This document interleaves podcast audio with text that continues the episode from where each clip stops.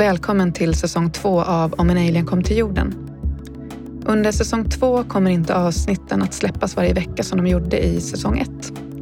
De kommer istället att släppas när min kreativitet slår till och jag kommer följa mina energinivåer och låta dem guida vägen.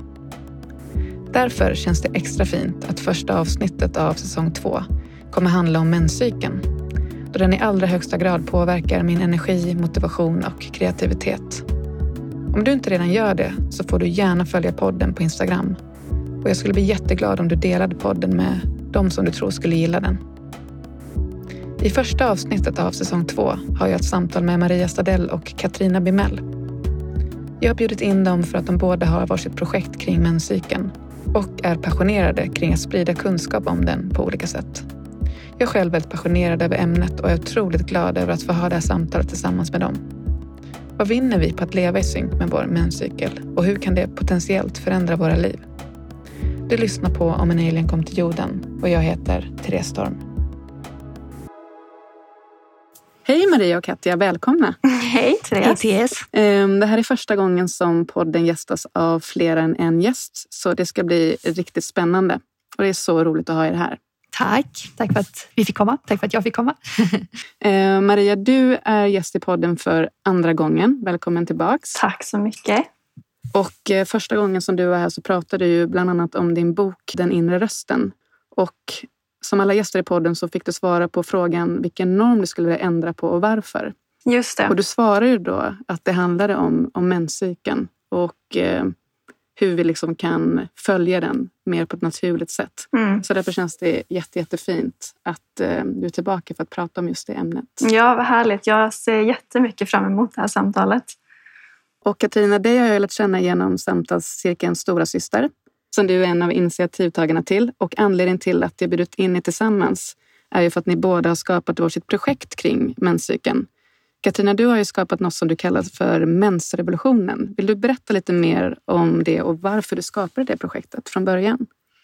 Så Mensrevolutionen är ett initiativ som syftar till att göra mensvård kostnadsfritt för alla kvinnor. Och notera gärna att jag använder ordet mensvård och inte mensskydd. Eh, så att redan där finns en del av DNA inbakat. Ehm, en stor anledning till varför jag började initiativet var dels för att väcka intresse kring det cykliska tänket men också för att bedriva en kulturell förändring i hur vi ser på mens. Eh, och bara en sån sak som att ska vi skydda oss ifrån det eller ska vi vårda det? Eh, så mensvård tycker jag är eh, bättre lämpligt ord. Och man kan väl säga att så som mensrevolutionen ser ut idag, det är en iteration. Man kan säga att det är en version nummer två jag satte redan igång det här projektet för ett par år sedan, men då handlade det bara om att jag eh, gav ut kostnadsfria menskoppar. Men efter lite funderingar och lite inkännande så insåg jag att om jag själv hade fått hem ett mensvårdspaket så hade jag velat ha lite mer kompletterande produkter. Så det var därför jag bestämde mig för att nu då utveckla konceptet så att man både får menskopp och menstrosa. Och eh, initiativet är ju Eh, kostnadsfritt, men det är inte gratis brukar jag säga. Eh, för att det är fortfarande så att den som tar del av initiativet eh, behöver gå en introduktion i cykellära, i menscykellära. Det kan man säga blir personens sätt att bidra eller betala för sin, sitt kit. Men utöver det så sponsras alltså initiativet från mig själv och andra personer som donerar pengar. Mm, fint. Um, och Maria, du är en av initiativtagarna till menscykeln.se. Hur kom det projektet till? När föddes det? Ja, det föddes i våras när jag, eh, när jag själv började så här, eh, upptäcka de här eh, som, jag kallar de här inre årstiderna som vi har genom menscykeln. Och när jag fick liksom uppleva det i mig på ett nytt sätt. Jag har liksom undersökt min menscykel i väldigt många år. Men just det här med de här inre årstiderna har gått mig förbi. Så när jag fick börja uppleva det här och liksom se hur de här olika faserna tar sitt uttryck genom månaden så blev jag helt eh, blown away. Och det ledde till att jag ville skapa olika grejer kring det ämnet såklart. Och eh, det, har liksom, det, har, det är fortfarande i sin liksom begynnelse, så det håller på att ta form. Så jag vet inte alls vart det här kommer att landa någonstans. Men det som har hänt är att dels håller jag på att skapa den här portalen för kvinnor att mötas som vill lära sig mer om de här inre årstiderna och, och hela menscykelns rytm egentligen. Men det som också har hänt, eh, och faktiskt egentligen sen sist vi sågs, Therese, det var att det också ville födas en bok på det här ämnet. Så det senaste halvåret har det också eh, kommit en bok till mig som jag håller på att skriva och som jag precis har eh, skrivit ut ett första utkast av. Så den kommer komma under början av nästa år. Så det rör sig väldigt eh, mycket i det här och det finns lite olika spår för mig att följa. Men det är väl de två spåren som är starkast just nu. Gud vad spännande. Och den här boken, kommer den främst att eh, fokusera på de här årstid, inre årstiderna? Ja, men den handlar väldigt mycket just om rytmen i menscykeln och hur vi kan lyssna på den här grundläggande liksom visdomen som finns i oss. Så den är uppbyggd mm. kring de inre årstiderna. Ja. Spännande. Katarina, hur har din egna resa sett ut kring att utforska menscykeln och börja leva mer i synk med den? Mm, min resa har sett ut som så att uh, i början av ja, min yrkeskarriär så var det eh, följde sig mer naturligt för mig att tänka linjärt och eh, procedurmässigt. Och det ledde väldigt mycket till att jag kunde ja, men klättra, klättra i min karriär och också skapa initiativ och var väldigt mycket i min maskulina framåtlutade energi. Och det var inte förrän jag åkte på en lite längre resa i Asien um, och blev kvar där i, um, i några månader som jag kom i kontakt med en lärare som belyste det här perspektivet för mig. Och eh, jag tror att för att min helhet som person ska komma samman så behöver jag utforska extremer. Och just vid den tidpunkten så hade jag utforskat extremen linjärt eh, tillräckligt mycket. Så då var det dags för någonting annat. Ett radikalt annorlunda perspektiv som då grundades i det cykliska. Och sen dess så, mm, man kan väl säga att jag fick en hög dos av kunskap eh, kring det här temat och började själv känna in det i min kropp. Och sen när jag kom hem så gick det väl lite i vågor. Um, intresset uh, svalnade lite och sen så kom det tillbaka. Men det var, jag är så van vid att, ni vet, när jag väl har gett mig in i någonting och uh, lärt mig om det så känner jag mig oftast rätt så klar med det. Och så vill jag gå vidare till nästa sak. Men just det här temat var sådär, ah, det liksom låg i bakhuvudet hela tiden och kom hela tiden tillbaka. Och det är kanske inte är så konstigt med tanke på hur djupt rotat eh, det, det cykliska pulserandet, precis som Maria eh, eh, benämnade det också, hur pass djupt rotat det är i varje människa. Inte bara kvinnor tror jag, utan alla, men framförallt kvinnan eh, och hennes eh, menscykel. Så att i och med att det låg i bakhuvudet så mycket som det gjorde så var jag så här, äh, jag måste förlösa det här. Jag måste paketera det och jag måste eh, förmedla det utanför min egen kropp. Och från det så började egentligen den här resan med att först dela ut menskopparna. Också för att jag insåg hur otroligt billigt det var att producera och distribuera menskoppar. Visste ni att när man går till apoteket och ska ge sig ut på Eh, och ska köpa en menskopp så kan man betala upp mot 300, ibland 350 kronor. När det kostar 7 kronor att producera i fabrik i Kina och få hem. Och då snackar vi inte bara vilken menskopp som helst, utan de marknadsledande menskopparna. Och när jag la ihop den här matematiken och som sagt, jag befann mig i Asien under tiden så var det som en självklarhet att beställa in ett litet lager och sen distribuera det här hemma. Eh, så att så, så har min både personliga resa men också sett ut och hur den har vävts in i hur jag har navigerat i världen sedan dess. Mm. Vad skulle du säga är den största skillnaden i ditt... Ja, men låt, oss, låt oss lyfta det till arbetslivet. Liksom hur mm. du, när det cykliska får ta form. Hur mm. ser din vardag annorlunda ut idag? Idag så kan jag uppleva att um, om jag en månad behöver vara lite mer i min vårfas, det vill säga i den framåtlutande skapande fasen, så är det nästan så att jag har jobb att jobba med ett kapital. För att månaden innan så har jag varit väldigt inkännande. Jag har eh, vilat under min mens. Eh, jag har liksom följt rytmen. Så skulle som sagt nästa månad komma omkring och kräva att jag är lite mer framåtlutad eller också att jag är lite mer bakåtlutad i min höst. Låt säga om det kommer en sån här, um, vad ska vi kalla det, en vikt in i en eller annan säsong så kan jag ta den viktförflyttningen mycket bättre. Just för att jag har flera cykler bakom mig där jag har skött mig, där jag har eh, hedrat min cykliska natur. Eh, och sen så är det, jag menar, jag måste ju sen månaden efter vara mer medveten om det cykliska och sen så nästa månad kan jag ta ut svängarna lite mer. Så att jag tycker att generellt, när menscykeln blir verktyget som hjälper oss att navigera så får vi, så får i alla fall jag, mycket mer energi, eh, lust um, och jag blir snällare mot mig själv också. Det tror jag är en viktig aspekt och jag hade gärna velat höra Marias eh, syn på det. Men att jag har träffat så många kvinnor som strider mot sina kroppar. När, när, där de liksom funderar på varför kan inte jag vara lika produktiv nu när jag är i min höst som i min vår? Bara att de använder inte det här vokabuläret. Utan många är under intrycket att de behöver kunna funktionera på samma sätt. Mm. Så att med insikten att ah, just jag är i min höst så blir vi snällare mot varandra. Jag blir snällare mot mig själv. Um, ja. Vad säger du Maria? Ja, jag sitter här och nickar. Eh, nej men alltså, jag, jag håller helt med dig det som har varit den största skillnaden för mig med att uppmärksamma de här, den här rytmen, det är just att jag blir väldigt mycket snällare med mig själv.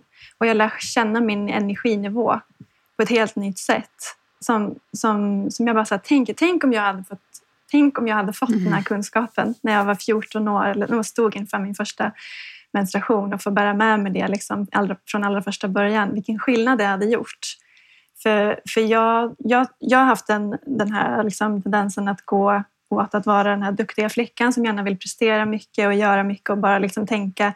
Och jag har haft väldigt mycket män runt omkring mig också och liksom bara snappat upp på den här linjära eh, liksom, eh, ska jag säga, rytmen som är liksom ihållande hela månaden runt eh, och tänkt att det är det normala. Det är, det är så, jag, så jag ska leva och det är så alla andra lever. Liksom. Så, så det har verkligen varit helt omvälvande att, att liksom, shit, det är den cykliska rytmen som är grejen. Det är här jag kan hämta hem mig själv och skapa ett hållbart liv för mig själv. Så det har verkligen varit det största för mig. Just det. Hämta hem sig själv. Det låter riktigt bra. Ja, men verkligen. Mm. Alltså skapa hållbarhet men också släppa lös vår största potential. Eller hur? Verkligen. Verkligen. Mm. Men för de som lyssnar som inte alls har varit inne på de här eh, inre årstiderna. Skulle ni vilja ge en liten snabb one-on-one på, på hur de fungerar? Absolut. Det är menstruationen då som kommer först i cykeln. Den inre vintern. Tid för återhämtning och vila som jag ser det. Att verkligen bara gå in i min egen heliga kokong, ge mig själv utrymme, vila, släppa allt praktiskt och bara ja, men docka in med det som jag också i årstiden, vintern i naturen, känner. Att okej, okay, träden går i vila, naturen blir mer stilla. Det är liksom en helt annan rytm än under sommaren. Så menstruationen väldigt lik vintertiden. Och sen kommer vi till den inre våren som är tiden efter menstruationen. Och det här kan ju variera beroende på hur lång cykel vi har också. Min inre vinter brukar vara ungefär en vecka, ibland kortare, ibland längre. Och det kan bero på hur mycket jag har tagit hand om mig själv i, i cyklerna innan. Så den inre våren, precis som våren i naturen, som bjuder in till liksom lekfullhet, nyfikenhet. Energin börjar stiga i kroppen igen. Känner lust och inspiration och ja, får oftast så klara, klarhet, klarhet i den här tiden. Och det får jag inte om jag inte då har tagit hand om mig själv i min inre mm. vinter. Så allting hänger ihop. Och sen kommer vi till sommaren som precis som i naturen, har den här mer höga energin. Och då känner jag att jag verkligen är den här äh, superwoman som jag då har tänkt i alla år att jag alltid ska vara. Men det, det, liksom, det finns en, en period bara som är superwoman-perioden. Och den är liksom inte så lång utan det rör sig om, om, om ja, det kan också se lite olika ut från månad till månad men det brukar vara ungefär en vecka där för mig också. Knappt. Och det är tiden en bit efter alltså ägglossningstiden kan man säga och en bit efter ägglossningen. Ibland kan den komma en, en stund innan också, någon dag innan. Um, ja, så då också tiden när jag är väldigt social och känner den här sociala längtan att vara med, med människor i min inre sommar. Och det är precis så jag känner när det är sommar ute också. Då vill jag vara ute och träffa människor och sådär. Så det hänger väldigt mycket ihop tycker jag. Och sen kommer den inre hösten då som är tid för reflektion och eh, som, ja, men också så här kreativitet, att få saker och ting gjorda. Att det finns en krispighet, en sanningsanda, en så här tydlighet. Jag är helt kompromisslös, kom inte här och kör över mig, utan det finns en så här tydlighet i mig. Och det här tycker jag är så viktigt också, att för som jag har lärt mig så är det så här, nu PMS-veckan, så här, veckan innan mens.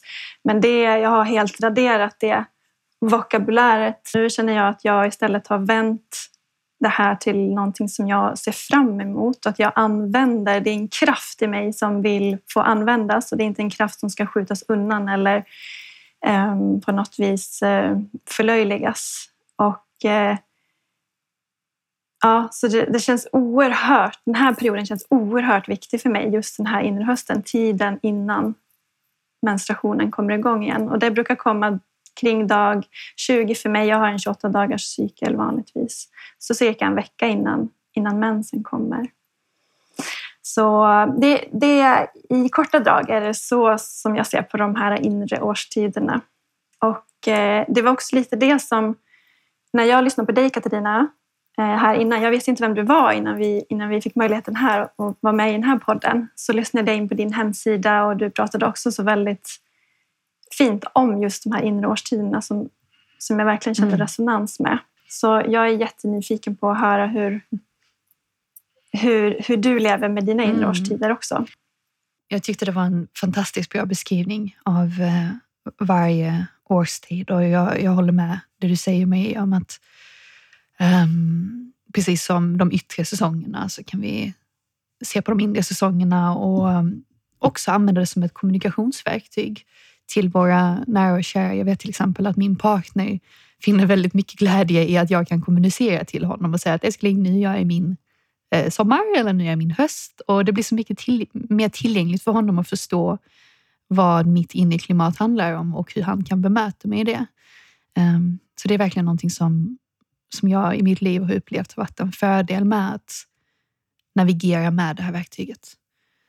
Um, Någonting som jag också skulle vilja lägga till eh, som jag tycker är praktiskt eh, och jag eh, hajade till nu när du sa um, om, om Superwoman på sommaren.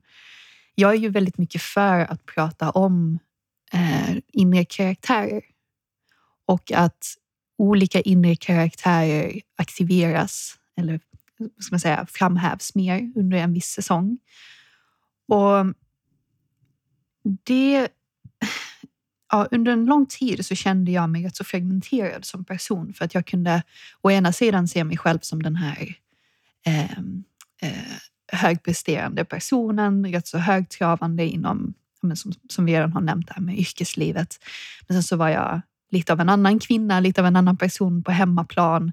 Och vi ska inte ens börja tala om vilken typ av kvinna eller till och med flicka jag förvandlades till när jag besökte mina föräldrar under ehm, ja, till exempel julen och så vidare. Så att det var någonting som indikerade gång på gång att det fanns många inre Katrinas inuti den här kroppen. Um, och istället för att, uh, vad ska vi säga, vara i krig, alltså att, att, att jag låter de här inre karaktärerna vara i krig med varandra, så är jag mycket mer intresserad av att få dem att samarbeta. Um, en sorts inre inventering av personlighetsdrag. Samtidigt tycker jag att själva ordet karaktär kan vara väldigt ja, ehm, laddat, men det, det det egentligen kommer ner till det är olika attribut eller olika drag som har komprimerats ihop till en karaktär så att det hela är väldigt flytande. Och ehm, jag brukar till exempel kalla min sommarfas, eh, det kan vara eh, superwoman, men det kan också vara eh, moden. För jag kan ofta känna mig väldigt ja, men, social och diplomatisk under min sommar. Eh, jag, kan, jag är en väldigt trevlig person att ha att göra med under min sommar för att jag, jag, jag är mindre fokuserad på att sträva efter någonting. Det gör jag snarare på våren. Och jag är mer benägen att ja, men typ, lyssna in vad andra behöver. Eller vad, för jag själv känner mig så full av eh, liv och mm. styrka, mm. precis som månen själv. Eh, så att jag kan ge till andra på ett väldigt bra sätt i den fasen. Och ja, för den som är nyfiken på att höra mer om de här olika karaktärsdragen och hur man kan leka runt med arketyper och attribut så precis som vi pratade om innan så nämns det i ljudinspelningen på Mänskliga evolutionens hemsida. Så det är bara att spana in om man är nyfiken. Tack Katarina. Det där är ju superspännande. Tack snälla för era reflektioner. Jag känner igen mig så mycket i det ni båda säger. Och jag har ju haft eh, problem med PMS, alltså väldigt mycket PMS, så pass mycket att jag fick diagnosen PMDS förut. Och har under många, många år verkligen utforskat liksom menscykeln. Och, eh, men det är först på senare år, kanske till och med i år, där det blivit så stor förändring att jag, jag, jag har liksom inte ens PMS längre. För att jag, precis som ni säger, använder mig av psyken och jobbar inte mot den. För det är det jag verkligen har insett, att anledningen att jag liksom hade så mycket PMS var ju för att jag inte vilade när jag behövde och så vidare. och så vidare. Och framförallt vilan, den irritationen som jag kunde känna eller eh, ilskan eller sorg var för mig nästan alltid ett uppdämt behov av att, att vila, att komma i kontakt med mig själv igen. Och det känns som att vi inte kan ha ett, eh, ett samtal om menscykeln utan att kanske gå in lite, lite mer på, på PMS. Vad, ehm, vad skulle ni själv vilja lyfta kring PMS? Ja, men jag, jag hör dig Therese, för jag känner igen mig i det du också säger. Att jag har haft, jag har haft PMS utifrån det konceptet som eh, omvärlden har gett. Eh, liksom, vad det betyder för liksom, där ute. Men när jag har stannat upp och hedrat den här rytmen och de här årstiderna och det som faktiskt rör sig i mig, då har PMSen försvunnit. För att jag inte liksom, det är som att jag bara välkomnar den här kraften som jag istället upplever på PMS nu. Det är en kraft, det är någonting mm. som jag kan använda i mitt skapande, i mitt liv. Och då, då blir det inte en stagnerad energi i mig utan det får liksom flöda igenom ja. mig och komma ut. Och i det upplever jag i alla fall att eh, min PMS har försvunnit och det har varit liksom basen eller det grundläggande. Sen tycker jag också att det finns liksom, Eh, Eh, andra spår som med kost och sådär som också påverkar PMS och så. Men, men eh, kärnan för mig har varit att uppmärksamma min rytm genom hela månaden. Mm. Jag ser det på, jag ser på det som att eh, när PMSen kommer in i våra liv så kommer den som en budskapsbärare av att någonting är ur holk eller någonting är i obalans. Um, och vad den obalansen beror på, det kommer var och en få göra detektivarbete i själv. Men det finns enligt liksom den undersökningen jag har gjort i samband med mänskrevolutionen så har jag landat i några ledtrådar på vad det kan handla om. Och det hela kom egentligen bara ner till vad är det för typ av input jag har tagit in eh, som har rubbat min hormonella balans. Att det, det, kommer ständigt tillbaka till vad är det i min hormonella cocktail som, är, som det har blivit lite för mycket av eller lite för lite av. Så ett sådant exempel skulle till exempel kunna vara eh, ja, plast. Eh, plast som eh, kan imitera östrogen när det väl kommer in i våra kroppar på ett eh, nästan till eh, skräckinjagande sätt. Mm. För att eh, det kan då få vår kropp att tro att den producerar mer östrogen än vad den faktiskt naturligt gör. Och det i sin tur kan leda till en massa olika konsekvenser. Och hur vi kan få in mer östrogen eller då mer eh, plast in i våra kroppar, det kan vara allt ifrån mat och kost som Maria säger, men det kan också vara eh, hudvårdsprodukter. Det kan vara att vi eh, är i ständig kontakt med plast på ett eller annat sätt på våra arbetsplatser. Det kan vara, som sagt, det, det, det kommer ner till ett detektivarbete man får göra själv. Men utöver det så är det också de vanliga faktorerna som stress. Eh, det är den största anledningen till mm. PMS om man ser det från ett hormonellt perspektiv. Eh, att om vårt kortisol ständigt cirkulerar i blodomloppet så aktiverar det våra eh, fight or flight-system, vilket gör att vi är i ständig liksom, beredskap att agera eller fly. Eh, och det, ja, likt en otät kran, om det hela tiden läcker under cykelns gång. När det väl sen kommer till hösten så får vi kvitto på det. Eller den här signalen. Ehm, så det finns en massa, eller massa ska jag inte säga, men fyra, fem stora orsaker skulle jag säga som täcker för kanske 90-95 procent av hormonell imbalans. Och just plast och stress är några av de största. Följt av socker. men det, ja, då är vi inne på kostfrågan. Vill du dela med dig av dem, det du har kommit fram till, de här fyra, fem största? Ja, ja men absolut. Så nummer ett, den, den största hormonella boven eh, är ju då stress. Och hur stress ter sig i våra liv kommer se olika ut. Det kan vara alltifrån jobbsituationen till um, situationen vi har i våra relationer. Så det som på ett eller annat sätt aktiverar fight or flight or freeze eh, i våra kroppar, där har vi direkta signaler på vad eh, vi bör minska på för att eh, skapa förutsättningar för kroppen att komma tillbaka i balans. Så stress nummer ett. Eh, nummer två, som sagt plastprodukter. Eh, olika gummi, så här, xantangummi finns ju till exempel mycket i mat. Så att när du är i, när du är i mataffären så håll utkik efter produkter som kan innehålla det och undvik då att köpa dem. Samma sak med hudvård ehm, och hårvård. Den tredje stora boven är socker. Eh, den triggar insulin eh, som eh, då är ett hormon som vi har i kroppen. Och precis som kortisol, när vi har för mycket insulin som cirkulerar i kroppen och som hela tiden ska ta hand om en massa socker så påverkar det hela det här stränginstrumentet som är våra hormoner. Så att när man börjar spela på en sträng så påverkar det hela instrumentet. Eh, och med det menar jag alltså, när man börjar dra i en hormon så, så påverkar det de andra. Och slutligen den fjärde största faktorn är om man eh, använder sig av hormonella preparat eh, som är kanske den mest eh, uppenbara eh, hormonella kryptoniten. För att då har vi ju ett medvetet Eh, i en medveten akt tagit till exempel p-piller eller minipiller eller andra hormonella preparat som sagt som eh, helt och hållet stänger av den eh, naturliga hormonella produktionen. Det gör ju helt enkelt så för den som inte är insatt att vi får ingen ägglossning och det är därför vi kan skydda oss mot en graviditet. Men frågan vi behöver ställa oss nyfiket till här det är till vilket pris? Så där har vi de fyra största hormonella kryptoniten. Tack Katarina. Vad, om det är någon som lyssnar nu som går på p-piller som hajar till lite grann, vad skulle du vilja säga till henne? Då skulle jag säga att tack gode gud för hur kvinnohistorien har utvecklats de senaste, hör det här, 50-70 åren. Det är inte ens mm. så länge när man kollar på den cykliska rytmen och hur vi har levt i flera tusen, tusentals år. Så bara under det här lilla, lilla förloppet, 50-70 år, som p-pillen, som alla de här ja, men graviditetsstoppande medlen har kommit in i våra liv. Det är fantastiska fördelar som har kommit med det.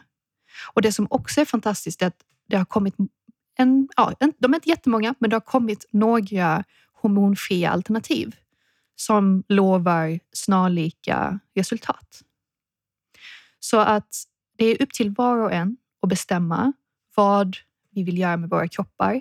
Eh, det är väldigt fördelaktigt om vi kan läsa på om historien och vara tacksamma för vad vi är. Men också i samma andetag eh, ta in ett informerat beslut.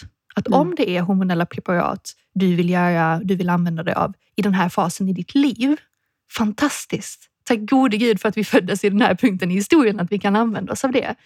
You go! Alltså verkligen, gör det du vill.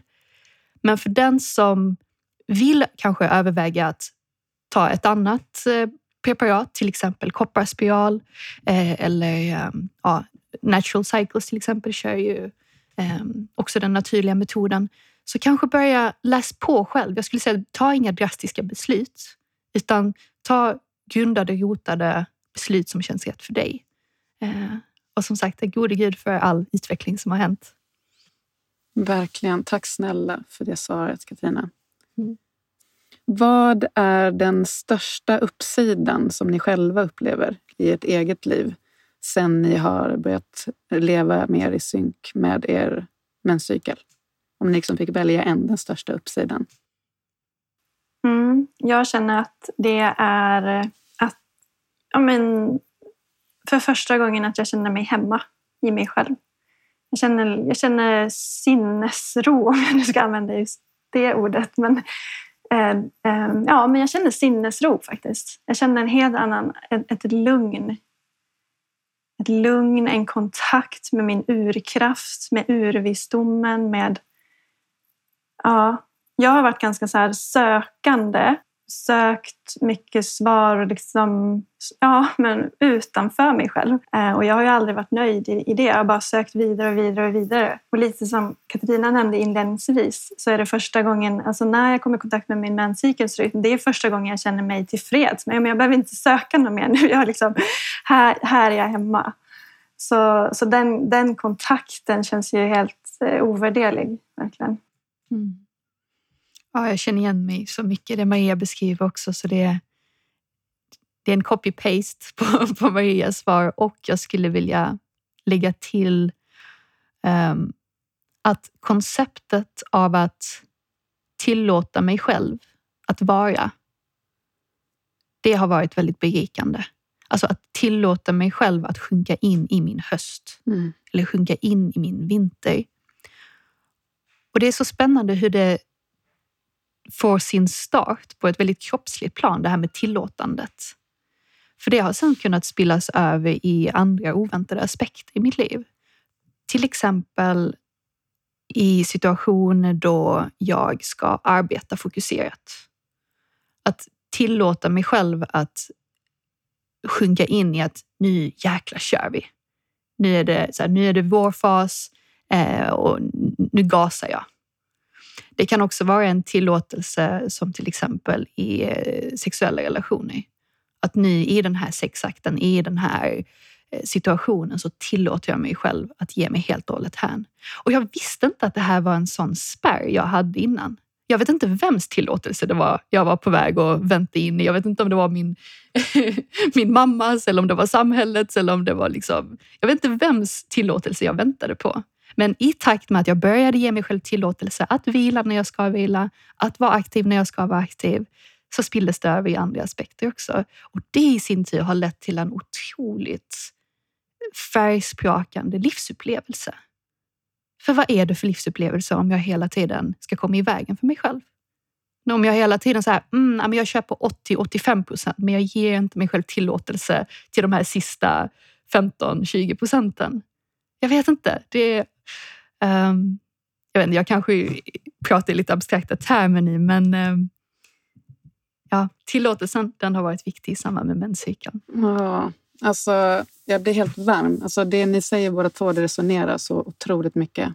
Och jag skulle nog själv beskriva det som att, eh, att min självkänsla har blivit bättre när jag har liksom kommit i kontakt, lever mer i synk med min eh, menscykel. Och det får liksom återgå lite till det som du sa förut Katrina om att de här olika karaktärerna eller delpersonligheterna eller vad man väljer att kalla det. Att jag liksom är inte, det, det väcker inte en osäkerhet längre kring att kan det här finnas plats i mig, allt det här samtidigt? Utan det är en självklarhet att allt det här finns plats i mig samtidigt. Och att de på ett naturligt sätt träder fram i de här olika faserna. Och att så här, ge mig hän till att vila. Vi alla har ju vår egna resa där vi ska hitta det som får oss att komma i kontakt. Men för mig har det varit en sån extremt stor pusselbit att tillåta mig själv att vila. För att det kommer dagar då jag kör järnet. Men idag är dagen där jag hänger mig till att, till att vila. Mm. Är det något mer som ni skulle vilja lägga till i det här liksom med uppsidorna? Mm, absolut. Jag kan känna, lite som du nu är inne på Therese, Eh, med vilan så känner jag också att just att ta menshelg det är verkligen det, det, är näst, det är typ det bästa som jag har infört i mitt liv. För när jag tar menshelg, och den, och den kan vara allt från två dagar till fem dagar beroende på hur jag känner. Det är knappt att jag vill titta fram i min kokong för att det är så himla mysigt och skönt där inne. Men att, att ge, när jag ger mig det, alltså då, precis som ni båda är inne på, då, då, då, då spiller det över på så många delar av livet. Så jag skulle vilja införa menshelg. Att alla får ta menshelg. Strunta i lördag, eller man kan ta lördag och söndag också. Men eh, menshelg. Ta Mm. ledigt, varva ner. Göra andra saker än det du vanligen gör. I love it. Jag håller med. Menshelg vore fantastiskt att införa.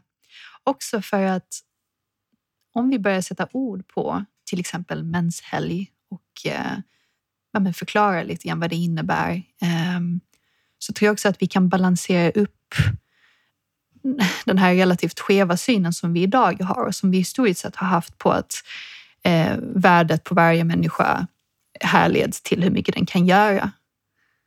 Att det, ja, det är minst lika värdefullt för en människa att bara få lov att vara eh, som det är att den gör någonting som på något sätt bidrar. Eh, jag hörde för en tid sedan en rätt så radikal idé där man sa i alla fall, och det är så roligt att jag använder ordet radikal, för jag vet inte varför det skulle vara så himla radikalt, men att, att, att eh, människans naturliga tillstånd är i varandet, är i liksom väntandet, är i Um, och, att det, och att det är där, att det är i varandet som vi kan hämta hem hälsa. Och att görandet, ja men det var, det var som punktinsatser man gjorde efter att man hade fått vara tillräckligt länge. För då vet man, då kan man agera från en plats av visdom, från en plats av ja, men förankring i någonting genomkänt och genomtänkt. Mm. Så här, okej men triben, nu kör vi, nu, nu gör vi den här punktinsatsen och sen så återgår vi till varandet. Um, så att kanske är det så att om vi börjar introducera konceptet av en menshelg till exempel för fler kvinnor, att vi har en chans att som sagt pisa varandet mer än görandet. Ja, det där är så bra. Alltså jag, jag har ett kapitel i min bok som heter just de förankrade stegen.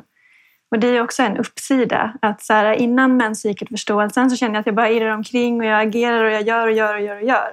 Men om jag får docka in i den här vilan, precis som Katarina säger, och bara hitta min urvisdom, då kommer de här förankrade stegen som jag ska ta, som liksom gör skillnad för mig själv och min omgivning. Och då blir det inte att jag irrar omkring lika mycket liksom och söker svar Mm. där ute, utan svaren kommer inifrån mig själv och stegen kommer naturligt från en naturligare plats. Så ja, vill säga amen på det, det du precis sa där Katarina. Så viktigt. Så viktigt. Tack. Men eh, tabu då, all den här tabun och skam som liksom kulturellt ligger som ett lock. Var kommer den ifrån? Hur ser ni på det? Och jag tänker att det är viktigt att prata om det för att ta oss vidare från det. Mm, det är en jättebra fråga. Den referensen som kommer till mig i den här stunden, den har att göra med att en eh, ny bekant nyligen eh, fick höra talas om mitt initiativ, Mänskrevolutionen och fick höra bara väldigt övergripande om vad det är för idé jag bedriver och um, hur liksom hela strukturen är uppbyggd.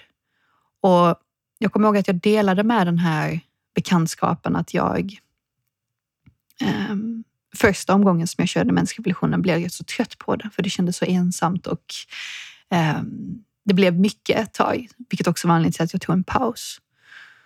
Och sen så sa hon till mig i alla fall att sa Katrina, kolla omkring dig.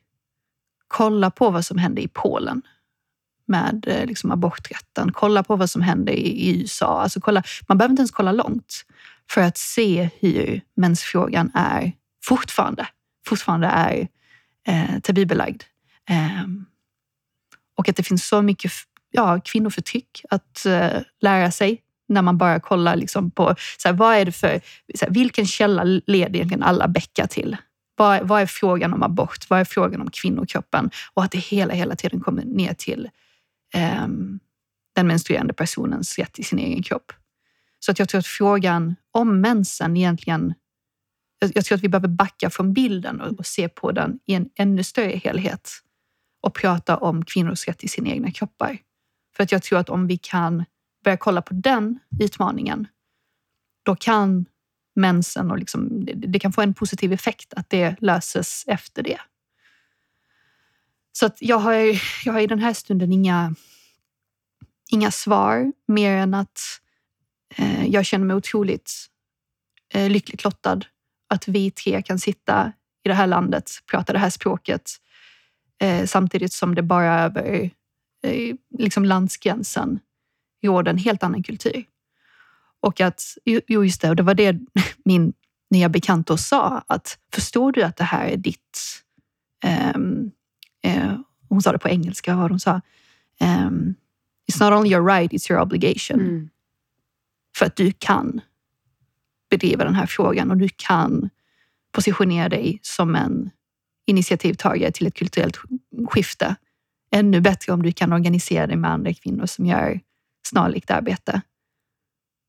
Um, så där går mina tankar kring tabun och uh, som sagt hur lyckligt lottade vi är som är där vi är och har chansen att göra det här. Jag tror det är en mer revolutionerande akt än många tror. Absolut. Vad väcker det i dig, Maria? Jag sitter här med gåshud. Eh, alltså jag får verkligen rysningar. Och det brukar oftast vara så när det är alltså någonting väldigt starkt som ska komma igenom. Då brukar jag få gåshud. Och jag minns när jag och min, eh, två av mina nära vänner gick här ute på ängen i somras och jag hade precis börjat skriva min mensbok och då hade jag samma typ av chills som bara gick. Liksom, det här är så viktigt. Och jag har valt att inte så här, eh, grotta så mycket i liksom var det kommer ifrån och hela den biten. Men det, jag känner väldigt starkt, precis som din vän sa till dig, att jag kan föra en talan och jag kan sitta här och prata om det här i en podd i vårt land och det är det jag, det är det jag ska göra och det jag ska fokusera på. Så jag känner väldigt starkt för just att bara föra eh, all den kunskap som jag får vidare ut. Tack Maria. Jag tänker att det någonstans så ages ago så visste man mycket, mycket väl vilken kraft det fanns i menstruationen. Och det ville man ju av maktskäl helt enkelt eh, contain. Alltså man ville hantera det på något sätt. Och jag tänker att många av de tabuerna som finns är ett slags makt, eh, en maktkontroll. Och det är ju ännu mer spännande att föra tankarna ännu längre till den tiden som vi i vår tradition här i Skandinavien hade där vi kanske faktiskt rent rituellt använde oss av, av kvinnornas liksom cykel och kraft på det sättet. Mm. Så att en liten sån här bara, vi har gjort det förut, vi kan, komma, vi kan, vi kan, vi kan göra det igen. Precis. Jag har för mig att man brukar räkna från eh, bronsåldern. Att innan bronsåldern så fanns det en utspridd kultur. Eh, olika liksom, kvinnostammar emellan på geografiska platser där Eh, just byns visdom och nästa steg, vare sig det handlar om att förflytta sig eh, på grund av säsongerna, ironiskt nog, eh, eller liksom av andra strategiska skäl. Att det alltid var den, liksom kvinnorna som konsulterades i de röda tälten eh, och vidare. Och sen någonting intressant, och det är här jag tycker det blir så intressant att läsa historieböckerna, just vad som hände kring bronsåldern och varför eh, de här mer patriarkala vindarna började komma in och så småningom växa sig starkare och starkare. Um, och då finns det ett fantastiskt stycke, tyvärr är det inte så långt, eh, i boken The Great Cosmic Mother eh, som jag tycker att alla som är intresserade av temat borde checka in.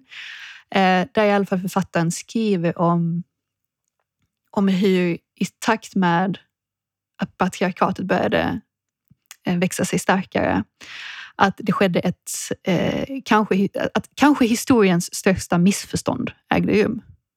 Och jag tycker det är väldigt eh, snällt att säga att det var ett missförstånd, för det man syftade till då det var att när den krigslysta, låt oss säga mannen, bara för att ha en visuell representation, sen det är klart, det, det, här är en, det här är en historia som man får ta det för vad det är.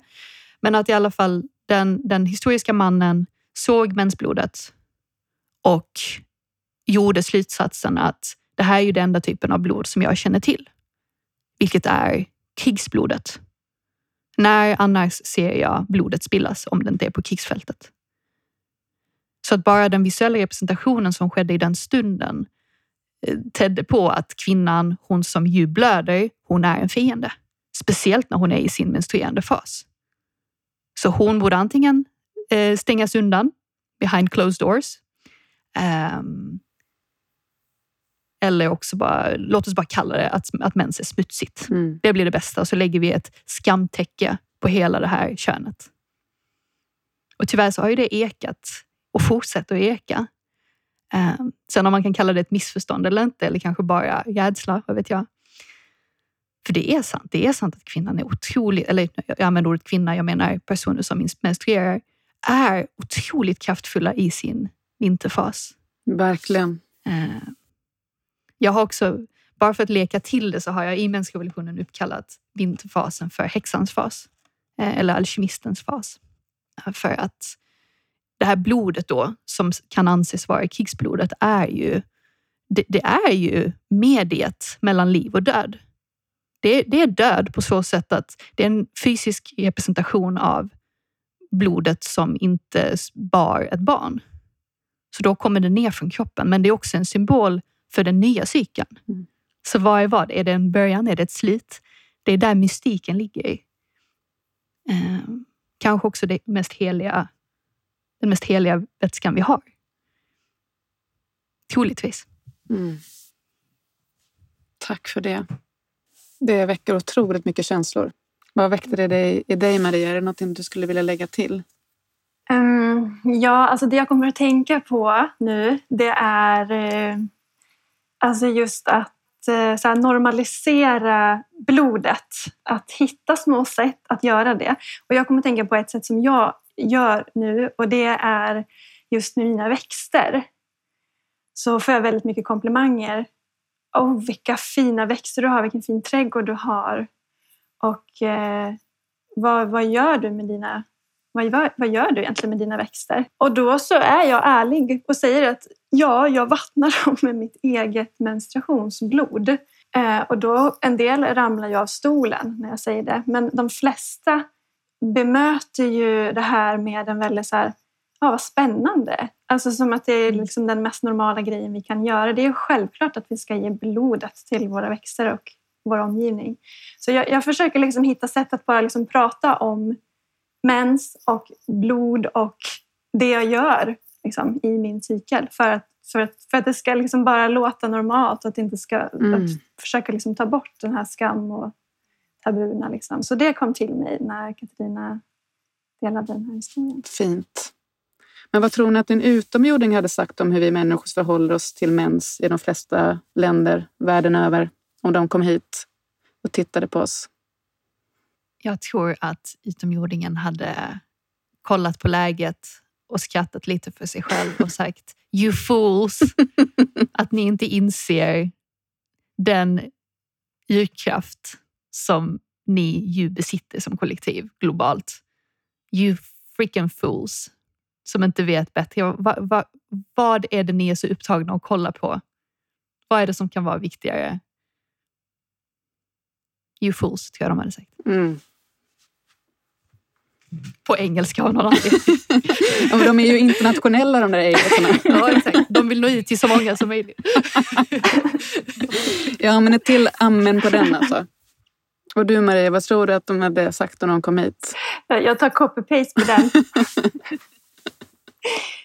Jag kanske ska tillägga också att jag, jag tror ju att de, ja men, eh, jag tycker ändå Katarina fick fram det, just att de har så här glimten i ögat. Att liksom, det, jag tror att de skulle liksom med, sin, med just att de har glimten i ögat få oss att inse flera att, att, det verk, att, det, men att vi verkligen ska vända blicken hitåt. Så jag, jag tror de skulle kunna hjälpa oss mm. att eh, liksom, ta bort precis det vi har pratat om, skammen.